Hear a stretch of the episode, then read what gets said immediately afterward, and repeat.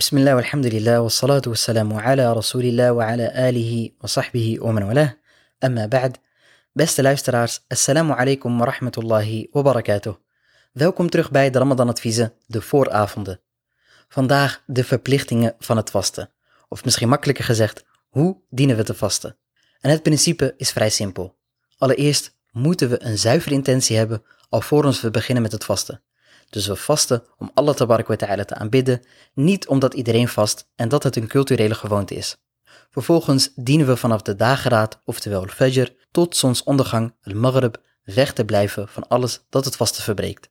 Verder wordt er geacht van de vastende zich te houden aan de nobele etiketten en gedragsregels.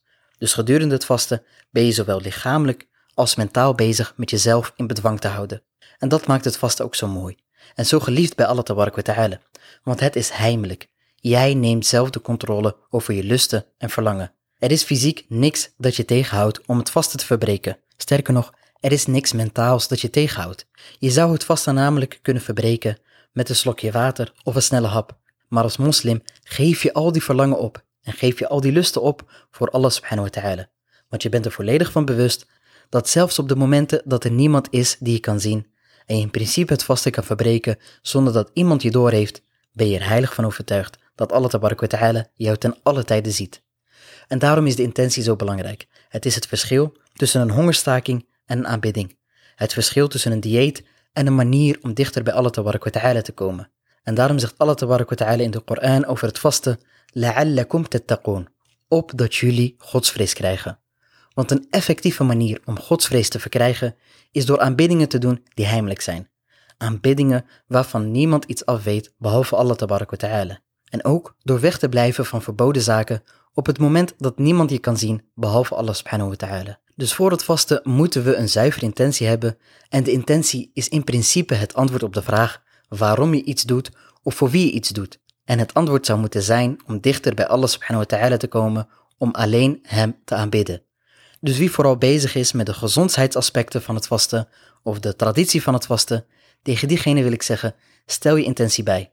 En voor wat betreft de voordelen van het vasten, dat het goed is voor de gezondheid en dat het lust vermindert, deze zaken zijn na al-iman en het taqwa een prettige bijkomstigheid.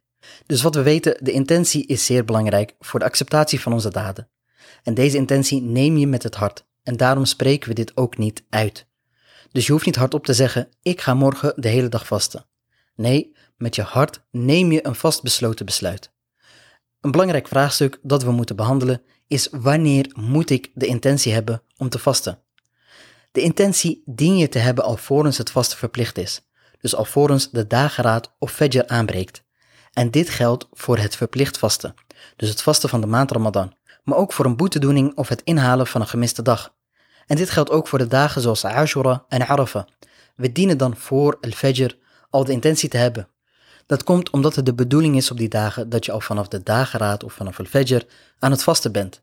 Alle andere vrijwillige dagen die je wilt vasten, mag je de intentie nemen na al-Fajr, zolang je dan niks hebt gedaan dat het vasten verbreekt. Een andere belangrijke vraag is, mag je met één intentie de hele maand Ramadan vasten? En dat mag, omdat we verplicht zijn de hele maand te vasten. Een belangrijke kanttekening is wel dat op het moment dat je tijdens de maand een periode of een dag niet vast, dan dien je weer opnieuw de intentie te nemen voor de rest van de maand. Een reden zou kunnen zijn door ziekte of door reizen, of voor vrouwen die in hun maandelijkse periode terechtkomen. En voor wat betreft dat laatste, hier schuilt een grote wijsheid van Allah subhanahu wa ta'ala achter. Weet beste zuster dat op het moment dat jij gehoor geeft aan het bevel van Allah subhanahu wa ta'ala, dat jij ook beloond wordt. Dus jij wordt beloond voor het feit dat jij hem gehoorzaam bent en niet vast tijdens deze dagen. Laat je niet gek maken door enkele individuen die het tegenovergestelde beweren, met als argument dat ze zich juist goed voelen tijdens het vasten als ze in hun periode zitten. Weet, beste moslimen, achter dat wat Allah subhanahu wa ta'ala ons heeft opgedragen, schuilt een onvatbare wijsheid en komt voort uit zijn perfectie en barmhartigheid. Wij nemen ons geloof uit de Koran en Sunnah want die zijn geopenbaard door Allah ta'ala, de meest wijze. Ik vraag Allah subhanahu wa ta'ala ons kennis en wijsheid te schenken. Allahumma ballighna Ramadan wa sallallahu wa sallam wa barak ala nabina Muhammad wa ala alihi wa sahbihi ajma'in. Bedankt voor het luisteren. Wassalamu alaikum wa rahmatullahi wa barakatuh.